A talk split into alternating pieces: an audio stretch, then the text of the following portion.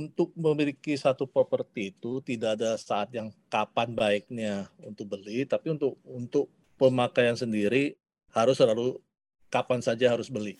Ya meskipun sekarang ada insentif LTV bisa apa 0% gitu ya eh, dana uang mukanya, tapi saya lebih banyak menyarankan tetap pakai uang muka aja. Jangan sampai punya rumah tapi nggak bisa makan, terus orang tua dijadiin dana darurat, temen dijadiin pinjol.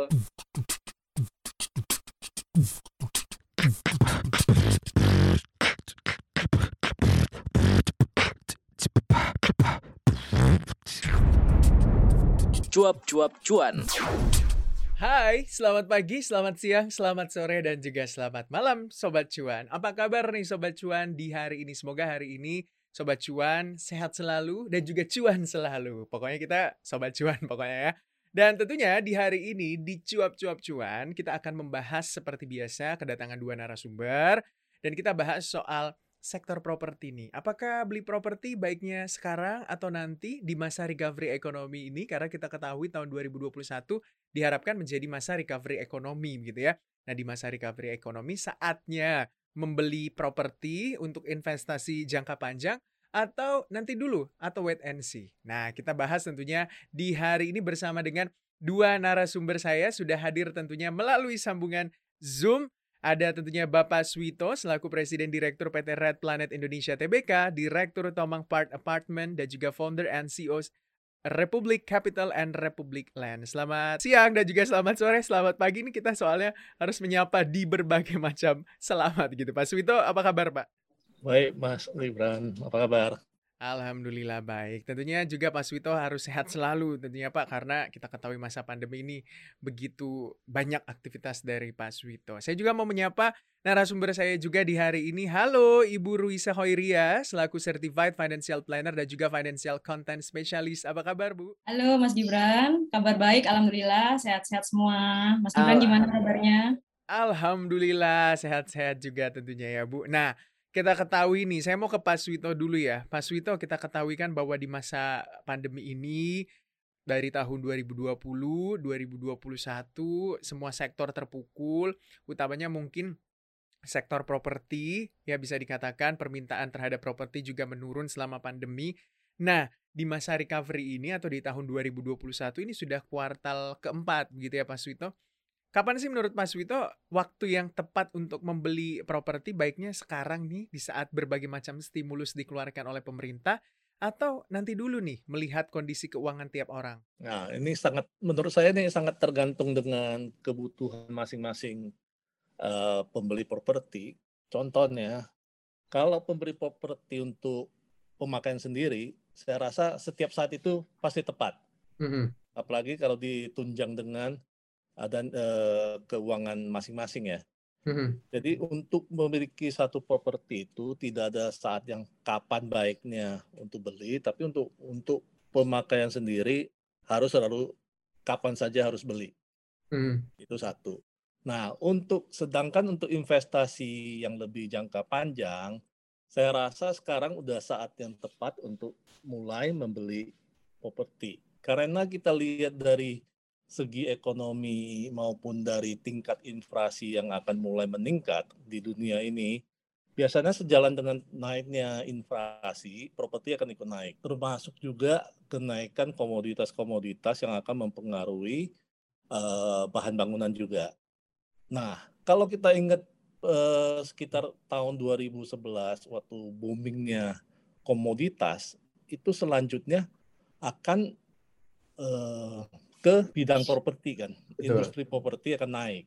Karena itu yang dari segi komoditas yang profitnya itu, banyak orang akan ikut investasi ke properti. Nah, dari investasi properti itu biarpun dari orang yang bos-bos besar yang apa bisnis komoditas duitnya udah banyak pasti larinya ke properti dan itu juga akan melan, uh, melimpah ke yang properti yang di segmen menengah dan ke bawah. Jadi untuk orang yang untuk investasi, saya rasa saat ini kalau memang ada duit nganggur, udah harus ancar-ancar nyari properti. Mhm. Oke, kalau udah ada duit nganggur, udah harus ancang-ancang gitu ya Pak beli properti. Apalagi kita ketahui properti ya sebuah investasi jangka panjang. Kalau nggak dipakai sekarang, bisa dikontrakin, bisa dibuat, ya pokoknya bisa mendatangkan juga pasif income tentunya ya untuk properti. Benar. Dan juga kalau bisa saya tambahin satu itu, Tuhan itu menciptakan tanah itu cuma sebagian banyak. Sisanya Mhm. kan laut yang itu biarpun kita mau reklamasi pun tidak bisa reklamasi semua. Jadi kalau menurut saya, ya properti itu ya harus dibeli karena cuman ada segitu. Iya, tanahnya juga terbatas, nggak mungkin bangun reklamasi di Samudra Pasifik gitu ya Pak, atau di Samudra Atlantik gitu direklamasi terlalu dalam Pak ya. Nah, ini saya mau ke Ibu tentunya Bu Ruisa. Bu, kita ketahui kan ya sekarang orang likuiditasnya juga ya sudah diharapkan lebih baik gitu kondisi likuiditasnya bagi setiap pekerja baik kelas menengah, terus menengah ke atas, menengah ke bawah ada harapan gitu apalagi stimulus untuk sektor properti juga dikeluarkan oleh pemerintah. Dari Bu Ruisa, saat ini tepat nggak sih kalau beli properti? Eh, kurang lebih eh, sama ya dengan Pak Swita ya. Maksudnya properti itu kan kalau kita memang belum punya rumah, yaitu kapan aja ya memang kalau keuangan kita udah siap, yaitu saat yang tepat untuk beli. Apalagi kalau sekarang misalnya eh, bunga KPR sedang rendah dan harganya juga mungkin nggak setinggi se- sebelum-sebelumnya gitu. Kapan aja kita keuangan kita siap, kalau memang kita belum punya rumah, mungkin itu adalah saat yang terbaik gitu. Tapi memang eh, lagi-lagi memang harus kita kembalikan lagi ke kondisi keuangan tiap orang ya. Kita tahu pandemi ini kan udah cukup banyak menggoyahkan keuangan baik di level pribadi maupun di level corporate dan sebagainya gitu. Jadi eh, sebelum kita memutuskan untuk membeli properti sebagai end user, kita harus eh, lihat dulu nih keuangan kita eh, sudah cukup siap belum menanggung apa namanya kredit jangka panjang berupa KPR itu, kemudian kesiapan eh, uang mukanya seperti apa karena memang ini eh, komitmen yang cukup apa ya komitmen jangka panjang dan properti itu termasuk sebagai salah satu pembelian terbesar mungkin yang pertama kali yang dilakukan oleh seseorang. Tapi kemudian kalau dalam konteks investasi, saya juga setuju karena memang eh, saat ini itu kondisinya kan memang ada banyak insentif. Kemudian kalau misalnya kita beli secara kredit pun itu bunganya memang lagi rendah. Jadi kalau misalnya memang eh, uang kita yang disposable income itu banyak gitu, ya memang akan lebih bagusnya sekarang sebelum harga komoditas naik dan kemudian diikuti oleh kenaikan harga properti kembali gitu. Tapi kita harus selalu ingat properti itu memang untuk investasi jangka panjang. Jadi jangan dibayangkan dalam dua tahun, tiga tahun kemudian langsung bisa apa merealisasikan keuntungan dan sebagainya. Harus harus nafasnya harus panjang gitu dan dia tidak liquid ya. Jadi kita nggak bisa berharap cepat eh, merealisasikan keuntungan bila kemudian menjadi investor properti. Mhm. Kurang lebih kayak gitu sih Mas Gibran. Yang paling penting juga kalau mau ngambil kredit properti harus eh, angkanya atau cicilannya itu dalam kendali, artinya bisa kita bayar Betul. ya. Betul, Jangan betul. sampai kemampuannya beli 500 juta, angka harga propertinya satu miliar yang diajuin, pasti ditolak sama KPR ya.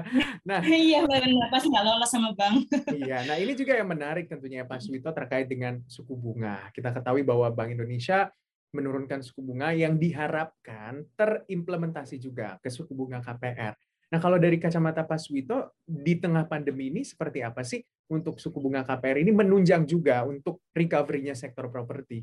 Saya rasa sangat penting untuk untuk bidang properti eh, terutama bagi developer-developer yang yang memang sangat mengharap KPR itu eh, eh, agak murah. Kalau kita lihat di luar negeri kan KPR ataupun KPA itu sangat murah.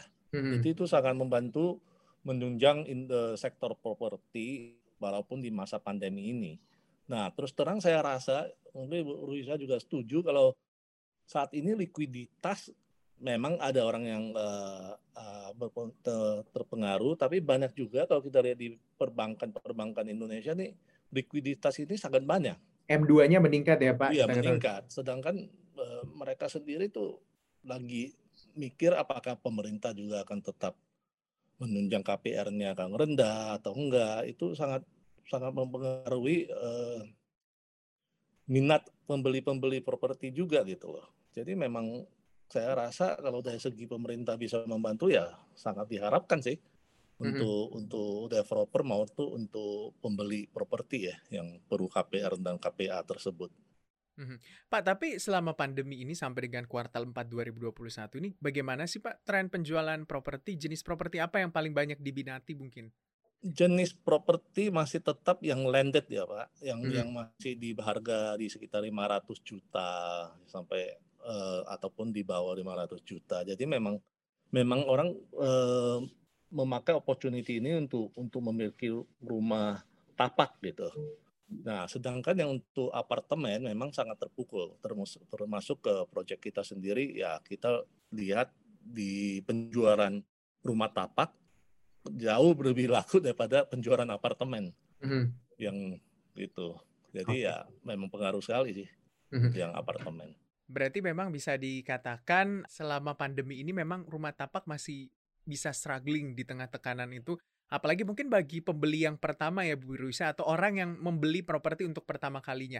Nah mungkin dari kacamata Bu Ruisa, eh, gimana sih memanage gitu bagi apalagi utamanya mungkin bagi seperti saya milenial gitu supaya bisa membeli properti untuk pertama kalinya di tengah pandemi seperti ini tapi saya punya rumah gitu jadi akhirnya ketika pandemi selesai saya sudah punya rumah atau ya rekan-rekan saya juga sudah punya rumah dan itu dalam bentuk investasi juga hitung-hitung Eh, kalau untuk pembelian rumah, seperti saya bilang tadi, itu kan termasuk pembeli- salah satu pembelian pertama kita yang terbesar gitu ya. Yang Mhm. biasanya paling beli gadget 15 juta itu udah mahal, tapi rumah kan harganya bisa sampai 300, 500 bahkan 1 miliar gitu.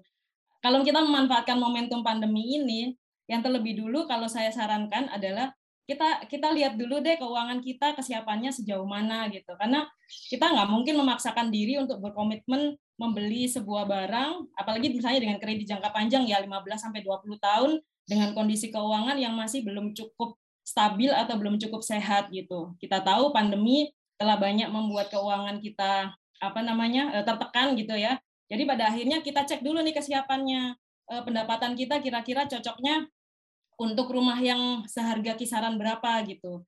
Terus eh, jangan juga lupa untuk memastikan sebelum kita memutuskan untuk pembelian properti gitu ya, eh, kita harus pastikan juga dana darurat kita udah ada gitu. Kenapa? Karena kita kan nggak mungkin eh, habis-habisan ngabisin tabungan itu semuanya untuk KPR atau untuk pembelian rumah itu gitu. Oke, mungkin banyak orang ngomong beli rumah itu emang harus sedikit maksa gitu kan ya. Tapi saya menyarankan itu akan terlalu beresiko gitu. Saya melihat itu terlalu beresiko kalau kita terlalu memaksakan diri menghabiskan semua sumber daya kita ke pembelian rumah. Jadi yang pertama-tama Mas Gibran, eh, Sobat Cuan tuh perlu untuk melihat lagi gitu, keuangannya udah sesiap apa, apakah dana daruratnya eh, sudah ada gitu, nggak perlu sampai cukup banget, tapi setidaknya udah ada apa ya, udah ada bumper yang disiapin kalau terjadi apa-apa.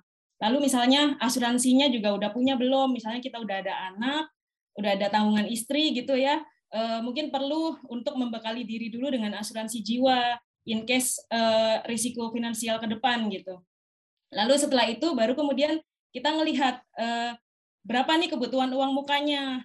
Eh, kalau misalnya rumah 300 juta gitu ya, meskipun sekarang ada insentif LTV bisa apa 0% gitu ya eh, dana uang mukanya, tapi saya lebih banyak menyarankan tetap pakai uang muka aja. Kenapa? Karena itu akan ringan ke depannya dari sisi beban cicilan gitu. Terus cicilannya juga kita harus tahu kalau jangan sampai melampaui 30% pendapatan rutin. Hitungan ini juga nggak bukan tanpa sebab karena dari bank juga pasti akan mereview ke sana kan. Kalau misalnya melebihi 30%, seseorang nanti akan kesulitan memenuhi kebutuhan lainnya yang juga banyak gitu. Hmm. Sobat cuan mungkin perlu untuk melihat eh, review dulu keuangan pribadinya sesiap apa untuk membeli properti. Jadi kalau sekarang kondisinya pandemi, harganya mungkin murah atau kemudian kredit apa bunga kreditnya rendah, tapi kalau kesiapannya nggak ada ya jangan memaksakan diri deh karena ya bahaya juga buat keuangan pribadi gitu.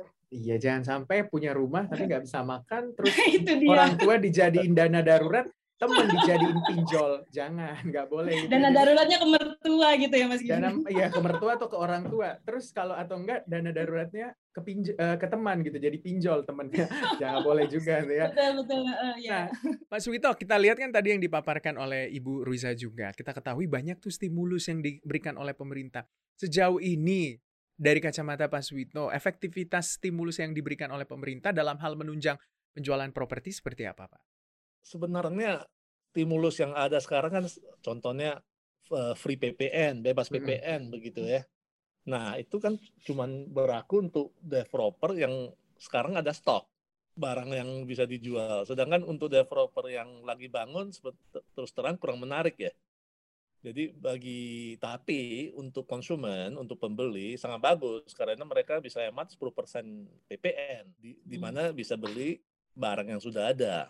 Nah, tapi kemudian kita harus lihat dong, kenapa barang sudah ada nggak laku gitu kan? Bisa aja lokasinya yang kurang bagus atau barangnya sendiri kurang bagus. Kalau harganya cocok, lokasinya kurang bagus, mungkin oke, mungkin lokasi akan berubah kan dengan adanya TOD apa eh, transit development segala kan juga akan membantu di kemudian hari. Tapi kalau barang kurang bagus, saya rasa ya sebagai pembeli juga harus lihat. Nah, kembali lagi apakah stimulus itu membantu? Ya, membantu sebagian besar developer yang sudah ada stok barang yang dijual. Tapi untuk developer yang lagi bangun ya tidak tidak membantu sama sekali sih. Hmm. Tidak membantu sama sekali gitu kalau yang baru mau bangun. Tapi kalau yang ready stock sedang bang atau sedang bangun. Kalau atau yang sedang bangun. stock, ya membantu sekali. Contohnya proyek saya ada beberapa yang ready stock, dua tiga rumah yang siap dijual, ya itu membantu dan juga memberi eh, keuntungan untuk pembeli juga kan. Mhm. Kalau untuk Project Paswito sejauh ini seperti apa sih Pak? Ya, kita ada eh, proyek apartemen yang seperti disebut Tomang Park apartemen yang di Jakarta Barat, dekat seberangnya Universitas Tarumanegara dan Trisakti. Dan juga ada proyek Serpong Lakeville di Cisauk, itu eh, tiga setengah kilometer dari stasiun Cisauk. Nah, nah, itu ada beberapa rumah yang udah siap, yang ke- kemarin kita jual, jual. Dan itu kan cocok untuk untuk milenial karena itu dekat dengan stasiun Cisauk, ya kan yang di mana mereka tidak perlu membawa kendaraan contohnya ke Jakarta bisa naik naik komuter ke Jakarta gitu. Mhm. nah itu sesuatu yang mungkin nah dari segi stimulus membantu gitu. Tapi untuk apartemen Tomampak saat ini tidak membantu Ya, jadi bisa dikatakan lagi ada beberapa ada perbandingan project. tapi Ya benar-benar. Ada ada keuntungan juga ya benar ada project yang bisa terbantu, ada juga yang nggak bisa terbantu dengan stimulus dari pemerintah tersebut. Tapi saya mau ke Bu Ruisa. Bu Ruisa, kita tahu kan bahwa ada HPP ya, atau Undang-Undang HPP yang baru begitu di tahun 2022 mendatang kenaikan tarif pajak jadi 11% oleh pemerintah dari sebelumnya 10% naik menjadi 11%. Kacamata Bu Ruisa menurut Anda ini akan lebih memberatkan bagi utamanya mungkin kaum yang baru mulai bekerja dan ingin memiliki properti untuk membeli properti karena pajaknya lumayan naik nih Bu. Ah, pajak pendapatan PPN itu mulai naik menjadi 11%. Gimana Bu? Eh, kenaikan PPN ya sebenarnya eh, memang kalau dari sisi apa eh, pengaruh ke harga properti pasti ada ya dari sisi konsumen pasti dia harus menyiapkan dana yang lebih banyak dari yang seharusnya gitu walaupun mungkin cuma satu persen tapi kalau satu persen dari berapa ratus juta kan ya lumayan gitu jadi mungkin itu akan mempengaruhi mereka yang memang segmennya apa sensitif harga gitu. Misalnya yang eh, pendapatannya memang mepet untuk mengambil properti seharga sekian gitu. Tapi kalau misalnya da- bagi sobat cuan yang mungkin dari sisi keuangan apa udah disiapkan cukup leluasa gitu, saya kira seharusnya nggak terlalu apa nggak nggak terlalu mempengaruhi ya. Karena biaya-biaya selain di biaya uang muka atau kemudian biaya seputar KPR itu kan sebagai sesuatu yang udah apa inherent atau udah ngikutin gitu otomatis kita harus siapin ketika kita hendak mengajukan KPR atau membeli rumah biaya-biaya itu udah termasuk sesuatu yang harus kita siapkan sebelum kita memutuskan untuk membeli gitu. Jadi saya kira kalau bagi yang sobat cuan yang mungkin dananya memang agak mepet, mungkin memang lebih baik apa namanya eh, cari waktu dulu deh untuk menambah uangnya dulu gitu. Sedangkan kalau yang memang udah cukup memadai, ya saya kira kenaikan satu persen mungkin nggak terlalu memberatkan gitu, Mas Gibran. Iya, nggak terlalu memberatkan bagi yang punya uang atau kondisi likuiditasnya baik-baik aja. tapi kalau yang pendapatannya pas-pas tapi mau pengen punya properti satu persen juga itu sangat berharga. Apalagi harga properti ya bisa dikatakan bervariasi. Betul ya. sekali. atau Mas- khusus sobat khusus sobat apa sobat Cuan. cuan eh, mungkin bisa minta satu persen diskon dari develop, developernya pak Oke, dari dari Pak Swito juga mungkin bisa. Pasti bisa, khusus khusus sobat cuan saja. Oh, berarti saya juga mau dong, Pak. Iya ya Pak Swito kalau misalnya situasi kayak gini mungkin developer juga bisa ngasih banyak gimmick ya Pak ya. Benar, bisa Subsidi kasih hilang gimmick, gitu, ngurangin ngurangin untung Benar. dikit gitu ya Pak. Iya, Nah, ya, itu, Pak. anggap aja diskon dari harga properti lah, Bu. Iya itu. betul. Yang jadi pertanyaan gimana nih strategi Pak Ya. Swito untuk bisa mendorong gitu ya penjualan properti yang ya diuta- diupayakan gitu recovery-nya mulai dari kuartal 4 sampai tahun depan nanti. Ya sama dengan gimmick-gimmick yang yang ada. Contohnya kita subsidi DP, DP 0%, itu kan kita juga promosikan terus kan. Nah juga kita waktu ikutin promo, kalau kayak contohnya 17 Agustus, kita ada promo 17% diskon, segala ya kita jalanin terus dah. Sekarang ini kita udah mulai, karena udah PPKM level 2 di banyak daerah, kita juga sudah mulai roadshow ke contohnya ya saya sih targetnya ke daerah-daerah yang kaya dengan komoditas. Contohnya Balikpapan, dia akan ke Makassar dan Manado. Nah, di, di sana mungkin banyak bos-bos yang mungkin juga ada pengen investasi di Jakarta gitu, walaupun ibu kota mau pindah ke Balikpapan, tapi Jakarta kan tetap ibu kota finansial ya Betul. gitu. Jadi saya rasa dan juga karena kita target ya ini mungkin eh, untuk project-project Ya. yang saya ya eh, contohnya di project saya ini kan sebenarnya Untar dan Trisakti. Nah, kita memang bikin produk yang memang untuk mahasiswa-mahasiswi. Jadi apakah nanti bisa buat orang tua mahasiswa-mahasiswi ataupun untuk investor yang mau beli nantinya jadi investasi eh, income property yang di mana bi- bisa tarik sewa. Di mana dari dari kalau kita ngitung yieldnya masih lebih tinggi daripada dimasukin ke deposito contohnya. Di mana kita kalau kita hitung kan returnnya bisa 6-7 persen sedangkan di deposito sekarang mungkin dua setengah sampai tiga persen. Mhm. Nah, itu salah satu eh, produk yang mungkin kita kerjain dan juga kita eh, promosikan saat ini eh, mulai dari sekarang untuk mengambil kesempatan untuk yang tahun depan lah. Moga-moga properti udah balik karena udah 10 tahun juga kita kita lagi tidur mati suri gitu. Ya betul sekali itu yang dilakukan tentunya ya. Bu Ruisa, ini kan biasa kadang ada gimmick-gimmick gitu ya Bu. Misalnya, eh properti itu tiap hari harganya naik, Senin harga naik lah, Selasa harga naik lah. Pokoknya harganya bisa naik setiap hari gitu. Nah, bagi mungkin eh, orang-orang yang berpendapatan UMR misalnya ya Bu Ruisa, pengen punya properti, gimana nih hitung-hitungannya supaya bisa beli properti juga? Oke, gaji UMR ya. Ya. Eh, sebenarnya eh, kesiapan finansial itu yang utama. Ketika kita kemudian pendapatannya memang eh, apa mepet ibaratnya gitu ya, eh, ya kita sadar diri aja. Selama ini kan nggak nggak sadar diri dalam arti kita cari rumah yang sesuai dengan kemampuan kita dalam membayar gitu. Selama ini kan eh, yang terjadi adalah kita itu pendapatan eh, pas-pasan atau mepet gitu, tapi pengennya rumahnya yang di Jaksel gitu, yang dekat pusat kota gitu, itu kan agak susah ya, agak berat gitu. Kecuali mungkin di apartemen gitu, yang itu juga harganya juga udah udah udah mahal ya Pak Swito ya. Iya. Jadi kalau kalau saya sarankan selalu dari dari sisi kita harus sadar diri dulu eh, posisi finansial kita seperti apa. Kemudian dari sana kita hitung oh mungkin mampunya kita itu rumah yang taruhlah 300 jutaan atau 400 jutaan gitu. Nah, itu kalau misalnya kita agak sedikit rela jauh dari pusat kota pun sebenarnya kan nggak masalah selama itu mungkin dekat dengan fasilitas transportasi publik, selama fasilitas apa umumnya kayak rumah sakit, sekolah juga ada gitu. Sebenarnya eh, di sana aja gitu eh, keputusannya, keputusan pertama yang harus diambil gitu. Karena kalau misalnya kita bergelut terus dengan, aduh aku maunya eh, rumahnya tuh yang di dekat Pancoran gitu ya, sedangkan gaji gajinya mantok 10 juta misalnya ya, ya gimana ya susah itu Mas Gibran.